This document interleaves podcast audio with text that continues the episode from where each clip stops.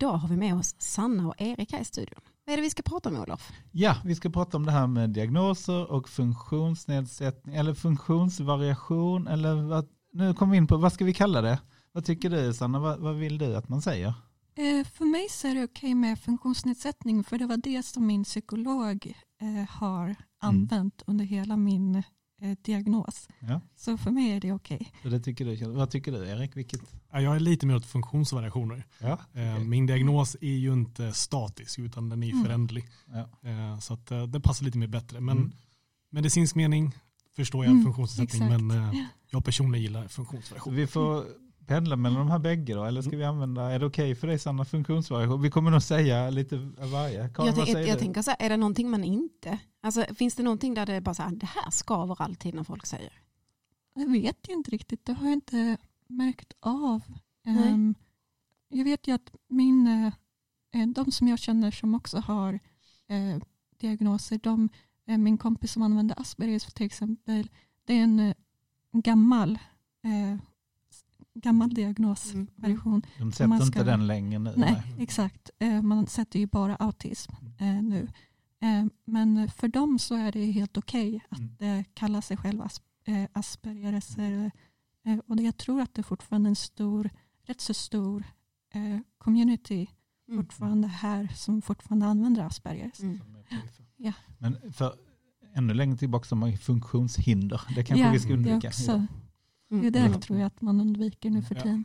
Ja. Men då, då har vi ju kommit in på, och då har vi redan kommit in på det här att anledningen att vi har bjudit in er studenter på, vi får berätta lite om er själva. Ska vi börja med dig Erik då? Du, Ja. eh, vad, vad, du, vad studerar du? Eh, Jag har studerat grundlärarinriktning fritidshem Mm. och idrott. Eh, Väldigt praktiskt lagd Ja. Eh, och det passar lite med min ADHD-diagnos. Ja just det, för ni har redan båda sagt att ni har diagnoser. Det är därför ni är här. Ja, eller inte bara därför. Men, eller, hur? och, Precis. så du, du har en ADHD-diagnos. Vi kommer komma till det. Ja. Och Sanna, vad läser du? Eh, Jag läser engelska 1 och så läser jag eh, English, eh, vad, heter den? A Global Perspective on Children's Literature. Ehm, och jag har diagnosen autism och jag valde de här kurserna för jag älskade engelska som barn. Jag älskar språk och tekniken i språk. Just det, ja. Härligt. Och ni bor i Malmö båda två eller? Ja. Mm. Yes. Det är, Härligt. Ska vi börja, Ja. Nu är ni på universitetet och det är lite där vi, det är det vi utgår ifrån lite grann i den här podden ändå. Mm. Ehm, och jag vet att ni också gör olika saker för universitetet på olika sätt och så. Ehm, men vad innebär det, om vi nu ska börja i det privatlivet, liksom, vad, vad innebär det att ha en diagnos? På vilket sätt känner ni att det påverkar liksom hur, ja, men hur ni lever, vad ni gör och, och hur allt, tänker jag. Ska vi börja med dig Sanna? eh, för mig så var det väldigt positivt att få en diagnos för det gjorde mig det gjorde allting i min vardag mycket lättare och jag började förstå mig själv också mycket, mycket bättre eh, jämfört med hur det var förut. Ehm, för när jag fick min diagnos så var det under en period där jag var väldigt deprimerad och jag var nästan rädd för mig själv så jag gick till en kurator och hon skickade vidare mig till en psykolog och den här psykologen pratade med mig en timme och han sa jag tror du har autism. Och så Mhm. skickade han mig vidare till eh, att bli utredd. Och så träffade jag dem där och eh, eh, min psykolog där som är min psykolog nu eh, fortfarande hon berättade för mig att eh, efter den första dagen och första timmen vi pratade så var hon helt säker på att jag var Mm. Autistisk. Mm. Em, Så för mig så var det en väldigt så här, eh, speciell och just friande Mm. att få den här diagnosen. Det låter ju som att det har varit en väldigt positiv del att, ja. att få det och få bekräftat och så här ser det Ja. ut. Och, Exakt. tänker du att efter att du fick det här liksom be- bekräftat eller kvittot på att så här ser det ut, Mm. har det varit bara positiva förändringar därefter för dig? Eh, ja, det har mest varit positiva förändringar. Har det varit. Och jag försöker ju vara väldigt öppen med min diagnos för jag vill att eh, när folk träffar mig så ska de se att jag är en person för min diagnos. Så jag brukar alltid säga jag är autistisk och jag har problem med den här men jag är fortfarande jag. Eh, sådär Ja. till exempel. Ehm, ehm, så för mig har det varit väldigt positivt och jag försöker använda det positivt. Gör jag. Mm. Härligt. Mm. Vad säger du Erik? Jag kan säga att jag känner igen mig mycket i Sanna just det här med att det var en jobbig känsla att inte förstå varför man mådde dåligt. För jag var Mm. också deprimerad. Eh, Så gick till psykolog och eh, skickades vidare eh, för utredning. Eh, Och då var det ADHD, borderline och bipolär. Så det var ganska brett Mm. spektrum jag utreddes för. Mm. Som, Eh. som var alternativ, de man funderade på. Exakt, exakt. Okej. Och så visade det sig att det var ADHD. Men hade en del tendenser till borderline också. Eh, Men hade inte alla poäng som man ska ha för att få det. Okej. Nej. Så. Men eh, det var skönt att få det på papper att förstå att ja, men jag har svårt med vissa saker. Liksom. Mm. Eh, Det kan vara till exempel att strukturera hemmet. Mm. Som jag fortfarande har svårt med idag. Ja. Mm. Det kan ofta bli tjafs hemma. Ja. Man kanske inte har städat eller bäddat sängen till exempel. Mm. Eh, För att det är ju inte lika roligt. Och Nej. en del av. ADHD-diagnosen är att jag gör saker jag tycker är kul och det gör jag till 110 procent. Men saker och ting jag tycker är lite tråkigt är lite svårare. Eh, Mm. Absolut. Men ni, ni båda, då var ni ganska gamla när ni, och då ni beskriver båda när ni var deprimerade. Var det den här tanken att ni kände, att ni har inte misstänkt, eller har ni tänkt så att det är någon, någon, någon, någonting annorlunda med mig eller någonting som är svårt för mig som, som jag inte förstår? Eller har, har, har ni liksom misstänkt det här innan eller kom det liksom som överraskningar? Eller? Eller liksom, För mig var det lite blandat. För mig så trodde jag att jag bara var deprimerad så här och om jag försökte läsa in mig på till exempel, för jag vet att jag läste om ADHD lite så här, mm. eh, och, men om jag läste in mig så tänkte jag, men det kanske bara jag som sätter någonting i huvudet på Ja. mig så där och eh, eh, jag fick alltid så eh, kommentarer att du tänker för mycket så där till exempel och Mm. det gjorde ju så att jag inte ville gå för långt med sånt. Så jag trodde att jag bara var deprimerad. Mm. Ehm, Men så visade det sig att det inte var Nej. så. Nej. Mm. Vad gjorde det? Jag tror att det finns väldigt mycket skam också kring en Ja. diagnos. Jag kommer Mm. ihåg att min mamma tog det väldigt hårt. Mm. Hur kan jag ha missat det i alla år? Eh, Mm. Så det var ganska jobbigt för henne. Liksom. Inte så jobbigt för mig på det sättet, men mest för min mamma. Mm. Eh, Och mycket det fick för mina kompisar, nej du har inte ADHD. Mm. Och jag tror att det finns liksom en viss syn om hur För ADHD... då hade du inte varit som du är nu? Liksom. Nej, exakt. Nej. Ehm, och det är klart att det är en del av min personlighet, men jag tror att många har inte riktigt sett mig i de svårigheterna. Mm. Nej, för det är kanske inte är det man visar upp heller. Nej. Det är kanske inte, oh har det här Nej men jag exakt. har på display. Eh, Men sen har jag förstått att när jag spelade handboll när jag var yngre fick jag ofta utvisningar och röda kort för att jag kunde inte hålla käften Mm. Mhm. mot domaren. Så att, eh, det fanns lite tecken. Mm. Dök Okej. upp lite här. Ja. Mm. Jag vet ju att jag hade mest tecken på att eh, jag var väldigt tystlåten och gjorde allting själv. Jag var den här duktiga flickan Mm. eller vad man Ah. skulle säga. Eh, men jag gjorde ju allting på mitt sätt sådär och folk lät mig få vara i fred i princip. Mm. Eh, Och då, men den största så här, som jag vet nu som är ett rätt så tydligt tecken på autistiskt drag det är att jag är så överkänslig och jag blir lätt stressad och eh, när jag blir så här eh, riktigt, riktigt eh, känslig så börjar jag störtböla och jag kan inte kontrollera det och jag blir så, så här irriterad över det. Ehm, och det här är någonting som fortfarande händer mig som vuxen. Men jag kommer ihåg som barn, ett specifikt moment som barn var att jag la ett pussel så här, eh, innan och då skulle vi börja samla oss. Och jag var så stressad över pusslet så jag började gråta så här. Och då kom en klasskompis upp till mig och han sa varför gråter du alltid så där typ? Och jag var så här, jag vet inte. Eh, ja, och nu som vuxen så vet jag att det är när jag blir för eh, eh, uppstressad och för känslig. Just Så, det. ja. Så det ger ju svar på många Ja. frågor som jag tänker kanske bakåt, just att man ser tillbaka på minnen och oh, hur blev det sådär? Ja. Jaha, okej. Jag tänker det kan också vara väldigt lugnande. Mm. Vet att men, faktiskt, jag reagerade adekvat i den här situationen utifrån hur jag fungerar. Ja. Det var inte så konstigt. Nej. Och där kan jag bara flika in, där känner jag igen mig väldigt mycket. Liksom att Mm. alltid fått höra att Åh, du är så känslig Erik. Mm. Okej. Ungefär som att man ska inte visa känslor. För mig är det Ja. tvärtom. Mm. Visa så mycket du bara kan. det Ja, är väl det jag vill. Mm. liksom bidra med oavsett om man har en diagnos eller inte. Visa Mm. känslor, visa vad du känner, vad du tycker Mm. och så vidare. Mm. Just det. Men, men jag tänkte det här att, att hur, hur var då skolan, nu, är vi ju här på universitetet, men Mm. hur var då skoltiden för er? För det, det är ju något man kan höra från de som får diagnos senare, att, att man har haft svårt i skolan kanske, eller att det varit olika problem med så. Ja, alltså i grundskolan tyckte jag hade svårt med matte, liksom svenska. Jag hade ju Mm. lätt för idrott, så det är inte konstigt. Liksom. Så alla liksom, eh, ja, skriv grejer eller matematik Mm. och sånt hade jag svårt för. Ehm, Jag hade jätte, jättelätt för språk. Mm. Men det är för att jag alltid tyckt om språk. Och, eh, men jag gjorde alltid uppgifter. Det spelar ingen roll, så här, även fast jag gillade eh, de ämnena så kunde jag göra uppgifterna alltid sista minuten. Och det är någonting jag har problem med fortfarande. Mm. Eh, men det kommer jag ihåg. Och, men min allra största problem var matematik. Eh, jag hamnade till och med i specialgrupper på grund av att jag hade så jättesvårt. Och jag kunde till exempel inte, jag kunde inte läsa av analoga klockor. Eh, jag hade bättre med digitala klockor. Och det kan vara något tecken också om man har svårt till exempel eh, att se skillnad på höger vänster eller Mm. motoriska saker. Mm. Eh, jag hade svårt att knyta skorna tills jag var typ 15 tror jag. Okej. Och det var samma sak med klockan. Jag lärde mig inte riktigt analogiska klockor förrän jag var sent i tonåren. Okej. Ja. Ehm, Så det tog väldigt mycket energi på sånt. Och jag hatade matte då och jag hatar matte nu. Men det allra konstigaste var att eh, jag kunde ekvationer. ah. Så de, Ja, det De funkade. Jag tyckte ekvationer var jätteroligt tyckte jag. Men det vet jag inte varför. nej. Mm. Ja. Ja, men så kan det ju vara. Alltså att man hittar någon liten grej som man ändå kan tänka sig. För det Ja. påminner kanske om något annat som Ja. man faktiskt tycker om.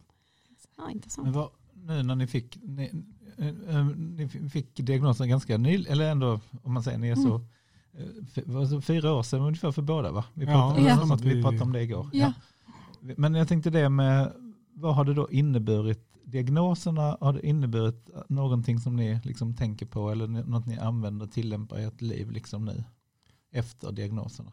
Alltså, jag vill ju så sprida att ADHD är inget konstigt, just för att Mm. det finns mycket fördomar. Mm. Eh, ganska vanligt att folk säger att ADHD har ju alla lite nu för tiden. Alltså, Mm. Lite som det är att det är en trenddiagnos. Ja. Men det är faktiskt en svårighet. Ja. Eh, så det vill jag ändå liksom sprida. Mm. Mm. Så det har inneburit att du är öppen och vill, vill prata om det och, och Ja, liksom sprida kunskap om Mm. det. Så jag är väldigt öppen inför mina klasskamrater, vänner, familj och så vidare. Så Mm. att, Ja. eh, Eh, Det är samma sak för mig. Jag försöker vara så öppen som möjligt om min autism. Jag låter folk få fråga mig saker och sånt där. Ehm, Och eh, för mig också ehm, att få hjälp från myndigheter. Jag har ju ett Mm. boendestöd som kommer varje vecka nu och ser till att jag faktiskt diskar till exempel. Mm. För jag bor ju helt själv Mm. och eh, det är mycket svårare att bo själv eh, eh, än det är att bo i min familj så där till exempel. För i min familj så gjorde min mamma i princip allting i hushåll och sånt där. Och jag tog, eh, för mig så var det en självklarhet så där att det var någon annan som gjorde sakerna. Så när jag väl flyttade hemifrån så var det ju helt kaotiskt och jag hade inte den strukturen längre. Ja, just det. Just det. Eh, nu har jag boendestöd och eh, det hjälper jättemycket. Så att få diagnosen är att få rättigheterna, att få Mm. hjälpen man behöver. verkligen, Ja. verkligen. Håller med. Så det har också inneburit att, kunna söka det och, och, och kunna Ja. ta den hjälpen. Mm, bra. Exakt. Mm. Jag tänkte på det ni sa att men det finns mycket fördomar, det finns mycket Mm. idéer och tankar. Och, och min, en av mina frågor är just det här, liksom, vad, vad, vad kan man tänka på när man, i bemötandet av personer, som ni, säger, ni är väldigt öppna, ni berättar om ja, det har det, jag har autism och så. Ehm, vad kan man tänka, vad, vad skulle ni vilja att folk hade med sig i bemötandet? När man får veta att men, nu ska jag träffa en person som, som är öppen med sin diagnos. Vad, Alltså jag tänker väl A och O att vara nyfiken och faktiskt våga Mm. fråga. Eh, Mm. Jag tror att alla har en föreställning om hur ADHD ska vara. Mm. Eh, Jag själv kanske har det också, och Ja. andra som har Ja. ADHD. Så att vara medveten om att vi har fördomar och att vara nyfiken, tänker jag. Och att vi är väldigt annorlunda. Eh, Alla har inte samma eh, problem eller samma intressen eller diagnoser där just i. Och vissa har till och med flera eh, av olika diagnoser som Just det. kombineras in i den här diagnosen. Så vissa personer har kanske ännu svårare med sin diagnos. Det. För vad jag ofta tänker är att en person har en diagnos men det är fort, vi är fortfarande, alla är ju fortfarande olika. I grund och botten så är vi Ja. olika personer. Så att det blir ju också eh, unikt för Mm. var och en. hur man än vrider och vänder på det. Ja, Så att nyfikenheten är nog... eh, Ja, och det är därför jag gillar just funktionsvariation, att förstå att vi Mm. fungerar olika och vara lite ödmjuk inför det. Ja. Jag tänker. Eh, Men jag menar, jag känner igen mycket i dig som har autism. ja. Vi pratade lite innan om att vi är väldigt nördiga kring film till exempel. Mm. Eh, Så att det finns ju mycket Ja. likheter också. ja. eh, Som inte Ja. bara har med diagnos att göra. tänker Nej, jag. exakt. Nej, för det kan ju också vara att era personlighet, alltså just exakt. intresset råkar vara samma Mm. oavsett. Verkligen. Det här med om man vill studera då, nu pluggar ni på universitet båda Mm. två. Vad, vad, vad kan vara bra att tänka på innan man ska börja, om man s- söka till att Mm. studera på universitet eller om man redan läser här? Vad, vad kan vara bra om man nu har en funktionsvariation? Eh, Vad, vad, vad kan bra att tänka på? Det allra bästa är att först få, när man söker in till universitetet så be din psykolog eller kurator att skriva ett intyg Mm. om din diagnos och skicka in den på en gång så fort du Mm. vet att du ska gå den här kursen. För om det inte gör det på en gång så kommer det ta väldigt lång tid.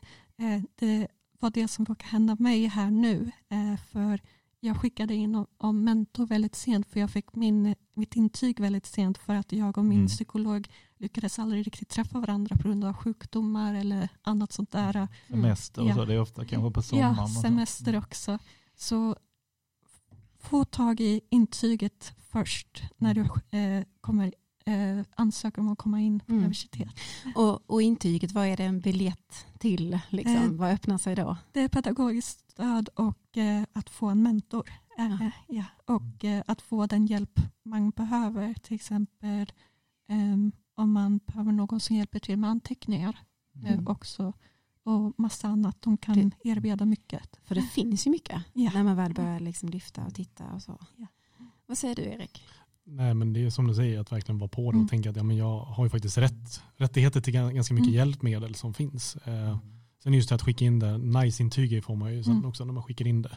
Ett sånt nationellt intyg som man skickar till pedagogiskt stöd. Mm. Men jag tänker också att universitetet kan bli bättre på att det här finns. Eh, Mm. För vet man inte om det, ja, då är det ju svårt att veta. Alltså, Det är en grej vi har gjort de Mm. sista åren är ju att vi skickar ut ett mail ganska tidigt till alla som har sökt och att vi också har en informationsdag en vecka innan man börjar. Och där tror jag du har varit med Erik och berättat om. Eller? yes. Så man får träffa någon som har det och, och de som har hand om det här pedagogiska stödet så att de kan Mm. berätta och man kan få gå runt och kolla och kanske träffa. Så att det, det, det finns en informationsdag också en vecka innan som är, vi har haft nu i några år. Mm. Så det är en följd av att vi försöker bli bättre på det. Det är jättebra. Sen, sen sa du ju anteckningsstöd, Sanna och, och mentor. Och du är mentor, eller hur? Ja, du är mentor också. Ja. Mm. Och, och, men sen finns det ju många andra saker man kan få. Och det beror ju på om man har dyslexi eller vad det är för, Mm. det, vad det är för funktionsvariation man har. Mm. Vi har ju också liksom blinda studenter och Ja. det finns ju många olika saker. Det man ska säga är väl att det ska vara varaktigt. Alltså det ska Ja. vara någonting som är um, ja, varaktigt. Jag tror det är Ja men till exempel att Ja. du har en dokumenterad Ja. depression eller ADHD, Mm. inte att du är lite deppig Nej. en period. Liksom. Alltså är man Nej, deprimerad exakt. en månad så är det inte det varaktigt. Nej. Mm. Så att därför är det lite svårare, eller det är lite, en del kan få kring ångest och depression, så, Ja. men det är mer liksom, det, va- det vanligaste är dyslexi, ADHD, Mm. autism, olika grejer, ADD och så. Men i alla fall det är bra det finns och det, sen Mm. finns ju mycket av stödet som alla kan få utan diagnos också. Men jag tänkte det här med mentor då, vad, vad, vad har det inneburit? Har du fått en mentor nu då? Sam? Ja, Ja. Eh, jättetrevlig. Ehm, ehm, vi har kontakt nu en gång i veckan har vi ett möte och eh, vi går igenom typ de uppgifterna jag har. Ehm, eftersom hon hamnade, kom, eh, vi träffade lite där precis i slutet av min eh, första del av kursen Mm. så hade jag redan gjort klart rätt många uppgifter sådär. Så det vart lite huller om buller. Men vi började i alla fall eh, prata lite om att skriva upp schema eh, så att jag fick lite mer struktur. Och nu har jag för första gången på så här flera år faktiskt ett ordentligt schema, så här veckoschema. Eh, och eh, nu försöker jag följa det så gott som möjligt sådär och eh, se till att jag faktiskt kommer i tid med deadlines och sånt där. Eh, för det är det viktigaste för mig, Mm. att jag faktiskt lyckas komma ikapp där. Eh, Så det är en person som går in och hjälper till och bollar Ja. idéer och Ja. tankar och hur kan vi strukturera upp det och vad är bra att tänka på. Ja, och så Ja. kommer hon med tips på vad, vilka sidor jag ska hålla fokus på och Ja. eh, läsa och sådär och vilka ord som är viktigast och sånt där till exempel. Ja, vad Eh, härligt. ja. Är, Eh, det, är det en student eller en personal? eh, student är hon. Ja. Ja. Det, det, precis som Erik då är mentor så kan man också bli mentor. För det, också, det behövs hela tiden. Så det kan man också bli för en annan student. Och det, ja, det kan vem som helst ansöka om att bli och så ska det, för ibland vill man ju ha någon som läser liknande kurser eller till och med samma program. Mm. Hur är det för dig Erik? Du, har du haft en mentor först och sen blivit mentor eller du gick rakt på liksom? Nej, men så här var det, när jag var på första mötet på pedagogiskt stöd så märkte hon att hon tyckte jag var duktig liksom och väldigt framåt. Mm. Så hon tyckte, men du passar nog att vara mentor. Mm. Eh, så jag tog första året bara fokusera på mina egna studier och sen år två började jag som mentor. Så det är Mm. väl ett år nu. Mm. Som jag Vad, jobbat vad som- hjälper du studenter med då? Framförallt lite som Sanna pratade om, planering och struktur. Det är egentligen Mm. A och O och det är egentligen den gemensamma nämnaren. Har du ingen struktur, ja då blir allt rörigt och då är det mycket svårare att klara en tenta till exempel. Så att det är väl ofta där man börjar jobba. Liksom. Lägg upp en struktur, ha en planering som man kan falla tillbaka på. Och har du då, eh, de- som du är mentor för, Mm. är det inom samma utbildning som du själv går eller hur liksom funkar det? Ja, inom, i alla fall inom lärarutbildning. Sen kan det vara lite olika inriktningar, men det är i alla fall där jag har haft eh, mina studenter. Mm. Så att, eh, Får, får man betalt för det? yes, det får man. Yes.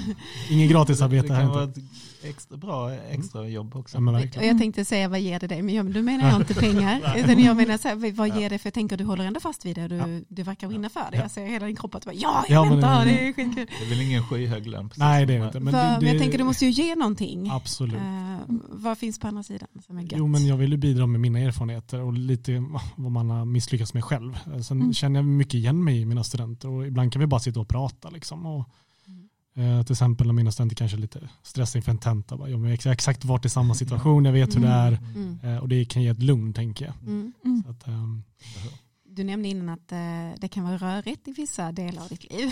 Så yes. har till exempel hålla ordning hemma och så. Eh, och i studierna hjälper du andra Mm. att Mm. hålla struktur. Ja. Nu blir jag helt nyfiken. Du berätta, hur, hur funkar det? Ja, Men det är det som är intressant. Jag känner att när det gäller studier och eh, något som jag verkligen brinner för, då har jag lätt att ha struktur och planering. Mm. Nej, jag har lite svårare med städning, det är inte lika roligt. Ja. Mm, okej. Eh, förlåt hade min du- sambo, men jag Mm. försöker bättra mig. Så om du hade läst ett program som du kanske hade börjat på och sen kanske inte var riktigt rätt. Då hade Ja. sannolikheten för att vara mentor, mm, kanske. Ja, för jag har faktiskt studerat på Halmstad högskola till eh, vad var det, HR och det var inte min grej. Nej, Mm. du blir ingen mentor där. Nej. Nej. Nej. Så att det, men okej, så det är liksom, men är det någon skillnad att hjälpa andra med struktur än att ha struktur på sitt eget? Ja, jag tycker att ändå hänger, hänger Ja. ihop lite. För jag Ja. menar, har jag en struktur själv blir det lättare att liksom implementera det på andra tänker jag. Mm. Så att jag har verkligen hittat en struktur i studerandet som Mm. funkar. Liksom. Mm. Eh, Kan du dela med dig av den? Ja, verkligen. Eh, till exempel att ja, men först skriva anteckningar, renskriva dem, Mm. läsa, göra begreppsspel inför tenta och så vidare. Och det har ju funkat nu i tre år. Så att, eh, Mm. Så att någonting, ja, det ligger Mm. något där i. Liksom. ja, verkligen. Och jag, kom, jag tänker att det, när du beskrev också vad du läste och så, så Mm. verkar det som att det är väldigt intresse, alltså ditt intresse driver liksom. Ja, Hade du inte brunnit för det så hade det kanske inte rullat på på samma sätt. nej, exakt. Eh, för mig så är ju, jag älskar att köra, speciellt i barnlitteraturkursen så hade jag jätte, jätteroligt för det är någonting jag brinner för. Eh, just media som är inriktat mot barn. Eh, och jag vill, nu har jag ju fått så här där intresset har verkligen väckts ännu starkare hos mig nu. Så jag vill faktiskt börja jobba med att göra barnböcker och eh, illustrera för det. För jag är också konstnär. Mm. Är ju. Ehm, Så för mig så väckte det ett helt nytt intresse i just det området ännu, Mm. eller gjorde det ännu starkare. Ehm, Och samma sak med engelskan. Ehm, För mig, eh, grammatik i engelska är alltid jättekul för mig, Mm. men det är inte kul för andra till Nej, exempel. inte för alla. Men jag tycker det är jättekul. Jag tycker det är intressant hur vi bygger upp meningar och sånt där. Så för mig så eh, trivs jag just nu. Ehm, Men för mig så är det också just att jag måste ha den här strukturen eh, som Ja. den här, eh, min mentor har lagt upp till mig nu. Eh, För annars så kommer jag missa deadlines till exempel. Även fast jag tycker att det är jättekul att göra de här uppgifterna och läsa om det. Ehm, Och det är samma sak med fonetiken. Vi håller på med hur man låter Mm, och mm. sånt. Ehm, Det är också jätteintressant. Är det. Jag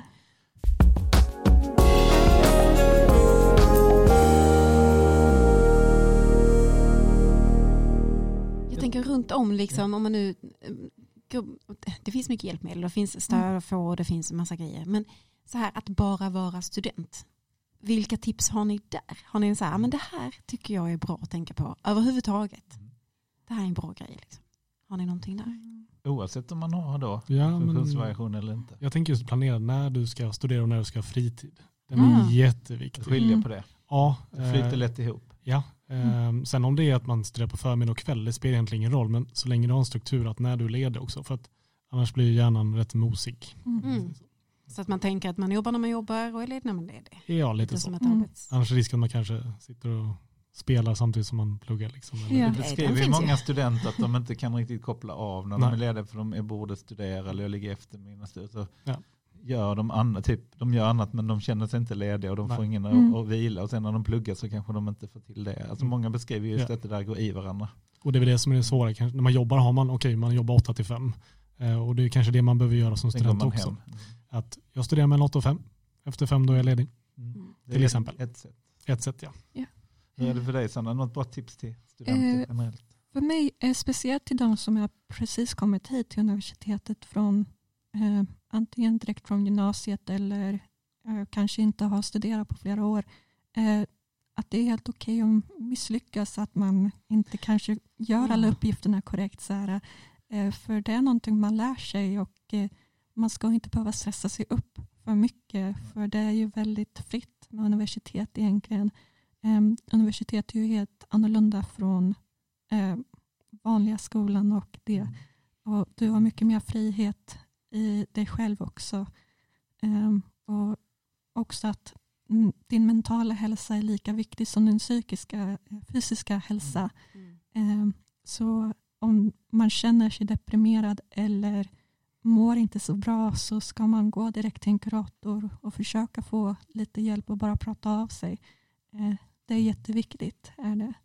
Och jag tänkte på det du sa där att, att det, är, det skiljer sig. Mm. Att man har faktiskt möjlighet, man, man kan göra om, man Mm. kan prova igen.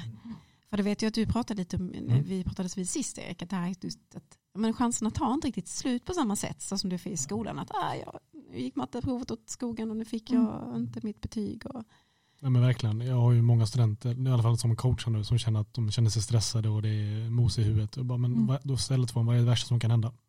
Mm. Ja, att jag failar. Ja, du får göra om.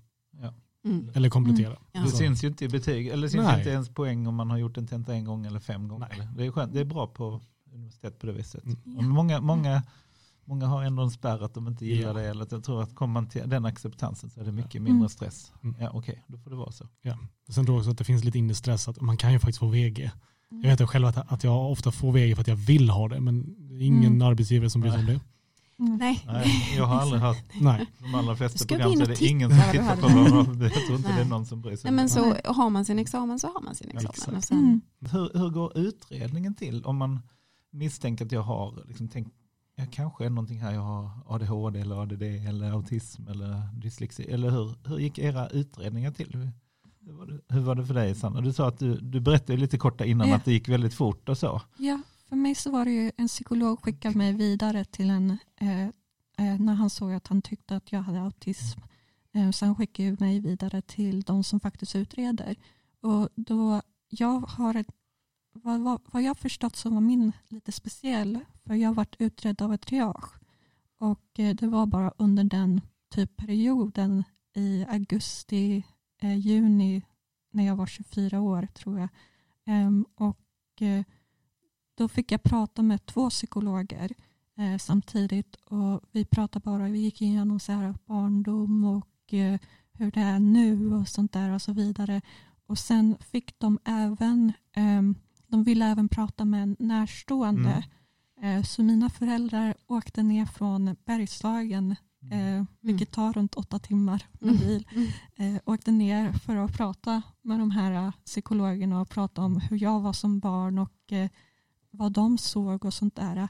Eh, och, eh, sen så fick jag min diagnos efter det. Vi pratade själva sådär efter mina föräldrar lämnade rummet så pratade vi lite och de sa ja du är autistisk, det är din diagnos, det är du.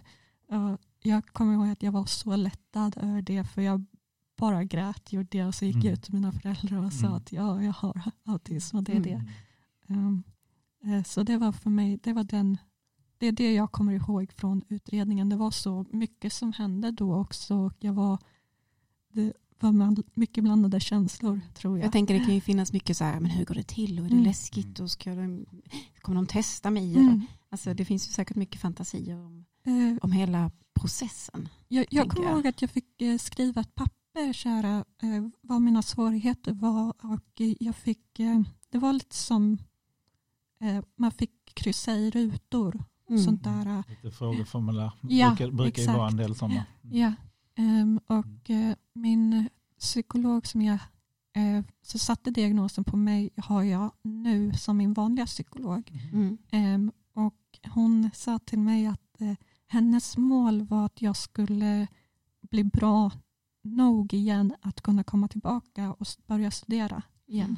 Och nu är du här. Ja, Woho! Det är så himla Ja, så det är jätteskönt. Är det. Ja. Och du, gick också, ja, du sökte hjälp hos en psykolog. För, Ja, för och så skickar hon remiss. Ja, Mm. ja. Och när det var, väl var dags för själva utredningen, hur, hur var det?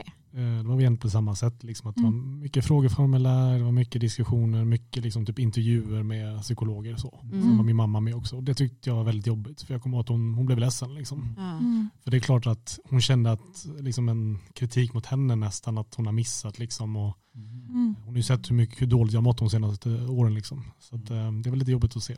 Men när, när frågan kom på tal så här, nu, Mm. nu tycker vi att en utredning är, är lämplig. Ble, hur var det, var det så här, ja vad bra, eller oh, oj. Ja, det var snarare så här att var bra att vi kan ta det på vad det är. Men det är klart Ja. att det var också mycket tankar i hennes huvud. Liksom, tänker jag. Mm. jag var inte lätt som unge. Mm. Eh, min mormor var ganska hård mot mig men min mamma var lite snällare så. Eh, Mm. Men jag var ganska, var ganska stark i mina åsikter om jag Mm. säger så. Sen är det inte, det är inte ovanligt heller att det väcker tankar om, om för föräldrar. Jag, jag tror vi pratade lite om det Sanna, eller hur? Mm. Att det, kan, det, kan ju, det är inte faktiskt ovanligt att faktiskt föräldrarna också Ja. kan ju vi har exempel på det där föräldrar också då plötsligt börjar fundera över oj, Mm. känner jag igen också eller? Mm. Ja, min pappa och jag är väldigt lika eh, på våra sätt och sånt där. Eh, men eh, han, efter att vi hade pratat, så här, efter jag fick min diagnos, så kom jag ihåg att jag satt i bilen med honom en gång och då sa han att han kände igen sig väldigt mycket i Mm. det som jag beskrev och Ja. sånt där. Eh, och då började han också fundera lite sådär, men han eh, tänker inte att han vill gå igenom allt det där för han har klarat sig genom livet jättebra och han mår bra. Han eh, behöver inte någon diagnos vad han känner. Mm. Men jag tror också att han har någon form av autism, tror jag. För han har också, eh, en annan sak som autistiska personer gör det är att eh, våra relationer, till exempel, vi har lite svårt att hålla igång relationer. Mm. Eh, så eh, för mig, eh, de personerna som jag har närmast relation med är personer jag har känt sedan jag var barn i princip. Ja, ja, ja. Ehm, Mm. och, eh, så de har jag van, vana med och sånt där. Och två stycken pratar jag med varje dag till exempel. Eh, och den tredje är den personen som fick autism och som jag har vuxit upp med sedan jag var sju. Ehm, så det är också sådär. Och min pappa har också haft lite svårt med sådana vänskapsrelationer tror jag. Mm. Ehm, men eh, ja, jag tror det är Mm. väldigt lika. Men vi har inte det behovet. Vi har inte det sociala behovet som många andra har. Mm. Ehm, och jag tror att det är för att vi glömmer lätt bort att man behöver ha lite sociala relationer. Så där. Vi tänker inte på det. Vi tänker oftast på att ja, men den här personen har jag jättenära relation med. Så har vi kanske inte sett på en månad eller typ Nej. ett år. Mm. Ehm, men, Men eh, man fortsätter där man var. ja, Ja, just det. Mm. så brukar det vara. Medan det finns ett annat behov kanske hos hos Ja. en del annat. Att liksom upprätthålla det hela tiden. Ja, Jag tror att om jag hade träffat min eh, bästa vän från när jag var väldigt, väldigt liten. Om jag hade sett henne på typ tågstationen nu så tror jag att jag bara skulle reagera exakt hur jag skulle reagera, då. Just det. Tror jag. Medan hon kanske inte reagerar på samma sätt. Nej. Så det är en skillnad. Det är en, Mm. vanlig, vanlig, kan vara en vanlig Ja, grej. Mm. Men, nej, men det är spännande. Det, det väcker, jag, jag vet att det väcker för en del som har barn som får Mm. diagnos att det, har, att det har varit en del föräldrar som själv har då varit nyfikna på och kanske också fått själv utrett om man har typ ADHD eller så. Det kan ju vara spännande. Men det är ju svårt att förhålla Ja. sig kan jag tänka mig Ja. föräldrar. För det är för oss Mm. också, liksom, okej men vad innebär diagnos? Det kan jag känna idag. Att, Mm. För ibland när jag har svårigheter då säger jag, ja men det är min ADHD. Men jag kan fortfarande inte skylla på den samtidigt som jag har svårigheter. Mm. mm. Den Mm. uh, skärningen däremellan tycker jag är jättesvår. Det är kluriga. Jättesvår. Just det. Ja. Mm. Man vill, nej. och också tänker jag att man hjälpmedel är bra men det, man måste fortfarande också kämpa med det. Ja, alltså, så det är så här, vad, hur mycket ska jag åt vilket håll ska jag luta mig? Att det inte blir så att säga en ursäkt att då Nej. inte träna på grejer eller göra, lära sig grejer. Nej, men Mm. då, då kan jag inte städa alltså så. Nej men exakt, det. Alltså, menar, så eller eller lite, då kan jag inte, eller det här, för jag har ju den egna, alltså så. Jag tänker lite med studien också, jag menar det är min vilja som har tagit mig igenom som har gjort att jag har Mm. lyckats så bra. Mm, Sen är det klart att hjälpmedlen underlättar, Mm. men det är fortfarande min vilja Ja. som är det Ja. viktigaste. just det. Ja, men det är spännande. Hur, vi har varit inne lite på det med studierna, men är det, har det varit svårare, lättare för, än förväntat att plugga? Alltså för er? Trodde ni det skulle vara svårare än det var? Eh, För mig har det varit lättare än vad jag trodde. Okej, Mm. ja. Det kändes som ett eh, berg först, men eh, det Mm. är lätt och lättare tycker jag. Mm, mm, För mig så är det svårare för jag har varit så van med ett sätt att studera från när jag var yngre. Så när man kommer till univers- universitetet så är det ju helt nytt och annorlunda och sådär. Och jag glömmer alltid bort det när jag försöker gå en ny kurs på Mm. universitetet. Sådär.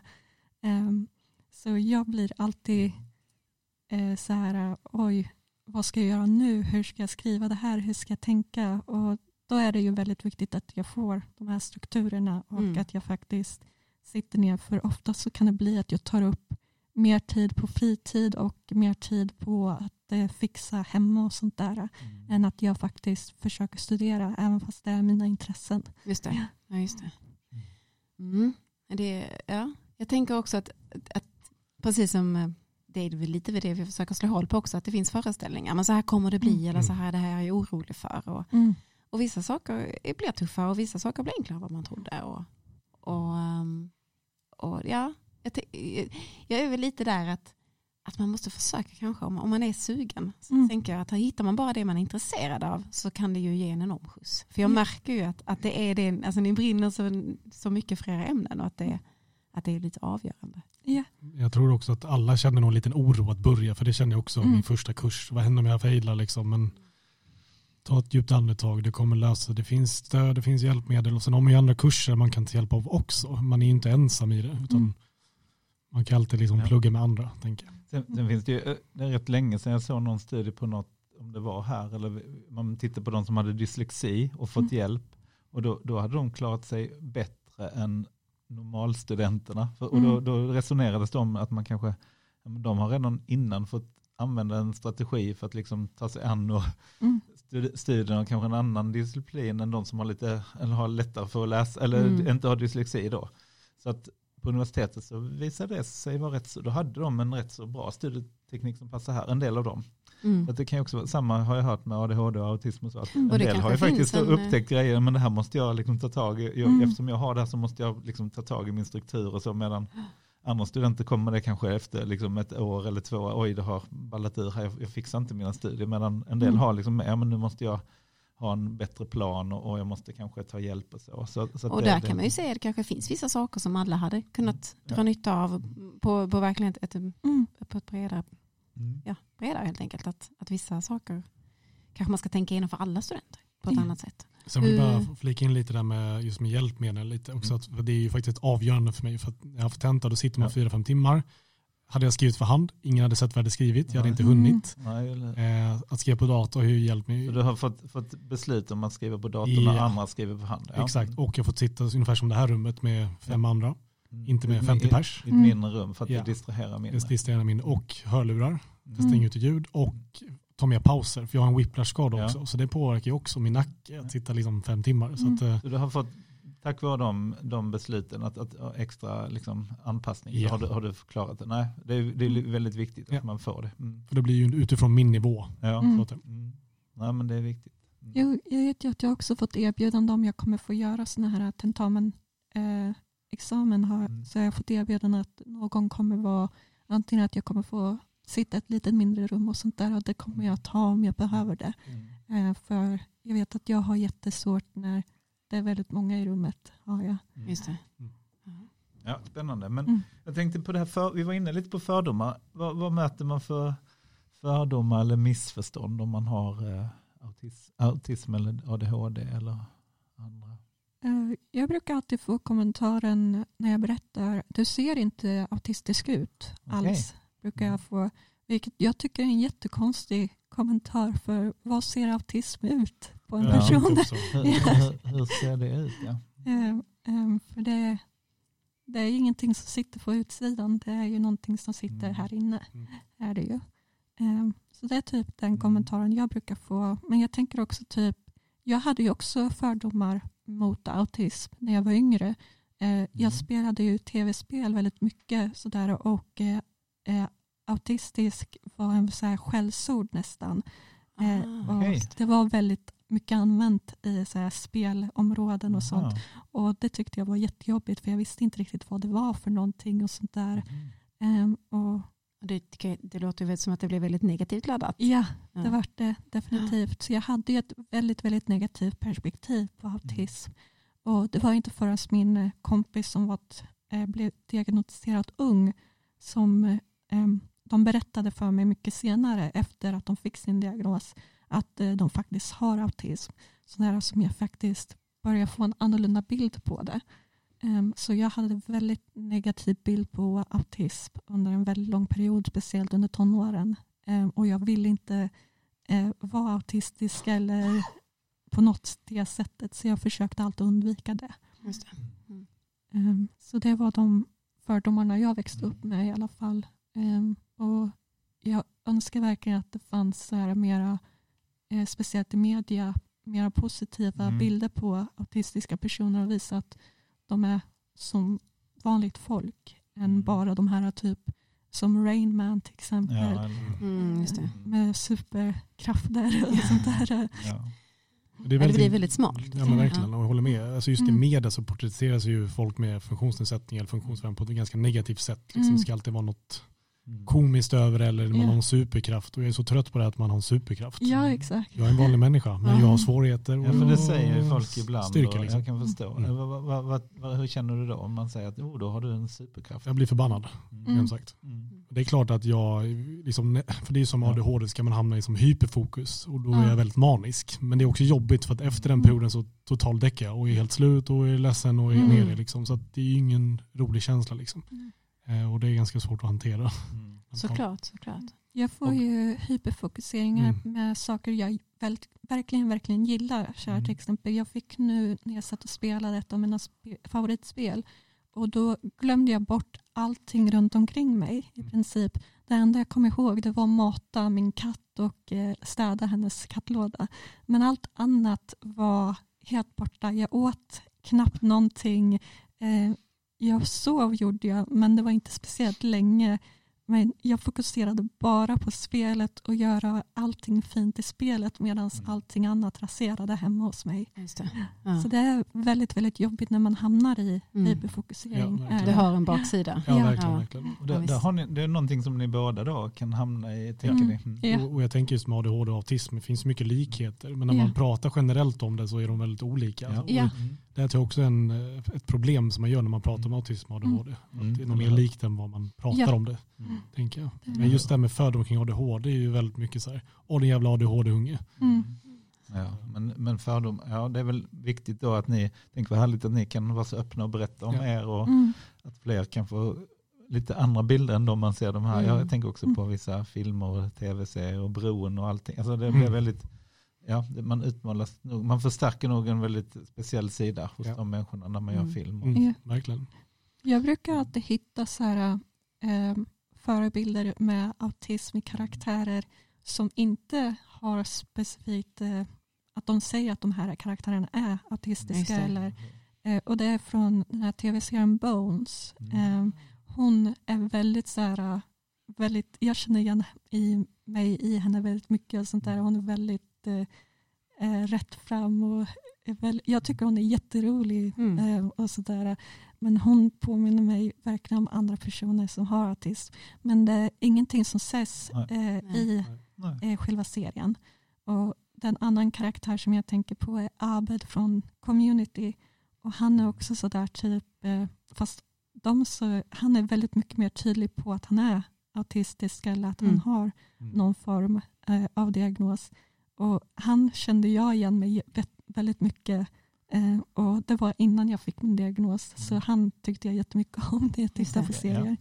Så det Det är, kanske viktigt. mer det som alltså, outtalat men att man får se olikheter och möjlighet att känna igen sig i olika sammanhang Mm. och i film och media utan att det, att det liksom ska vara något något utöver, något särskilt eller att det lyfts fram som någonting särskilt. Ja. Och medias roll är ju väldigt stor där. Det är ju samma som Ja. man pratar om med könsidentitet och sådana Mm. bitar också, eller rasism och sådana bitar. Så att eh, media spelar en stor roll. Det är verkligen. Ja. Vad, vad skulle ni önska att universitetet kunde göra bättre och bemöta liksom, och kanske lyfta de här frågorna? Eller tycker ni att det liksom, finns någonting ni tänker på som på universitetet kunde man bli bättre på att bemöta eller lyfta upp eller hantera liksom, olikheter? Men något som jag tycker är bra i min utbildning nu det är att de har tagit in specialpedagogik. Det har man inte riktigt haft innan. Så att jag Ja. har ju mycket lättare när jag ska hjälpa barn i skolan när jag jobbar nu. Liksom, eh, just med ADHD och autism, att förstå mer hur kan det se ut. Läser om Eh, det. Och sen komma ut praktiskt och säga att ja, men det behöver inte alls vara som Nej. det står i böckerna. Nej, Mm. nej. Så. Nej, det borde ingå i många utbildningar. Ja, faktiskt. Eh, Så det tycker jag är väldigt bra att man har fått in det i lärarutbildningen. Mm. Något annat ni tänker på? Som... Nej. Jag har alltid så svårt för sådana frågor Ja. ibland. Här. Jag, Ja. Efteråt så, Ja. mm, nej, men nu kommer jag igång. Liksom. Ja. Ja, Jo, men jag kom på en grej. Just Ja. det här med att ja, men hade liksom universitetet var anpassat från början så hade vi inte Ja. behövt alla hjälpmedel som vi har idag. Mm. Eh, Exakt. Så det är väl en liksom sån anpassa, tanke. hur anpassat till vad? Eller anpassat hur då menar du? Ja, men till exempel salarna, att det inte är trappor upp. Mm. kan vara sen Mm. rörelsehindrade. Eller till exempel att om jag ska ha föreläsning som jag har haft nu på Zoom som jag tycker är jättebra för mig. Jag Ja. slipper sitta i ett Mm. rum med 500 andra. Mm. Eh, Det är ju anpassat till exempel. Att Mm. man inte går tillbaka till det gamla utan att det, det finns lite andra möjligheter. Ja. Mm, Just det. Jag uppskattar Zoom jätte- Mm. jättemycket. För, för mig så blir det mycket, mycket lättare i min vardag.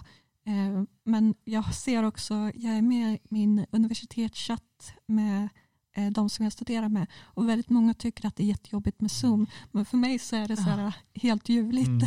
Ja. Är det. Men det är väl där anpassning kan bli svårt för Zoom är bra för vissa men Mm. för vissa är inte så. Hur, ja men kanske ha en variation. Exakt. Kanske, Ja. kanske finns valbara sätt kanske också. Ja, men exakt. Det tror jag är nyckeln. Ja, Ja. det tror jag också. Men vad kul. Mm. Karin, är det något vi har, har vi lärt oss mer om? eh, Eller vi har fått Jag jätte- har jättebra. definitivt lärt mig mer. Ja, jag med. Men eh, nu, är det, nu har vi ju kommit till den punkten att, att jag ska fråga. Det är så här. Nu, får, ni, nu får ni stå ut med mig. Vi, vi har någonting som vi kallar för temafrågor. Vi frågar våra gäster. Eh, det finns fyra kategorier och det är prata om mat, rörelse, träning, pinsamt läge, sex och relationer. Mm. Det är de fyra man kan välja mellan. Och så får man liksom berätta någonting ur sitt privatliv eller hur man är. Mm. Alltså förlåt, säger jag redan i början. Men nu ska ni få välja. Och- Vad- och- Ja, vad säger du Olof? Nej, men jag tänker också, så- det är bara för vi ska, vi har gjort sådana här små ljudillustrationer, eller jinglar till dem, så vi måste ha lite jinglar i, i podden också. Så det, Ja, det måste Ja. man ha. Så Erik, vad, vad är din... eh, Ja, vad men är det, må, det måste bli träningar som jag jobbar som personlig tränare. Ja, Det- Wow. givet. Men ska vi ta det då? Ja, den tar vi.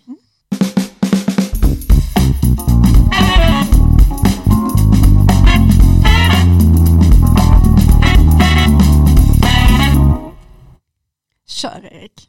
Jo, men eh, jag kom på en grej. Ja, men, eh, för några år sedan jobbade jag som personlig tränare. Eh, och då hade jag en PT-kund som jag skulle visa en knäböj för. Och när jag visade övningen och knäböjde så sprack mina byxor. Och vi började båda garva ganska rejält. Ja. Eh, och sen visade det sig att vi fick ganska bra liksom, relation till varandra. Vi pratade om det rätt mycket när vi hade våra PT-pass.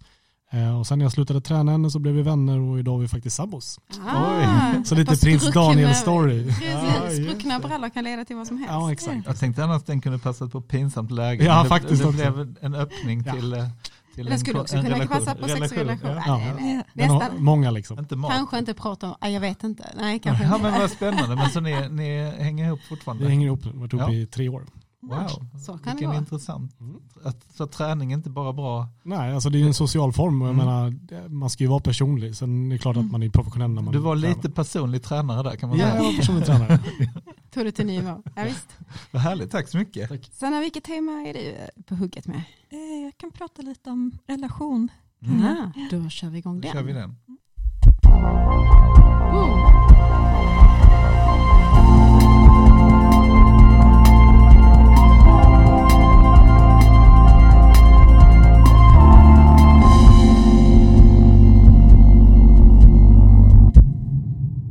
Ingen är lite tydlig.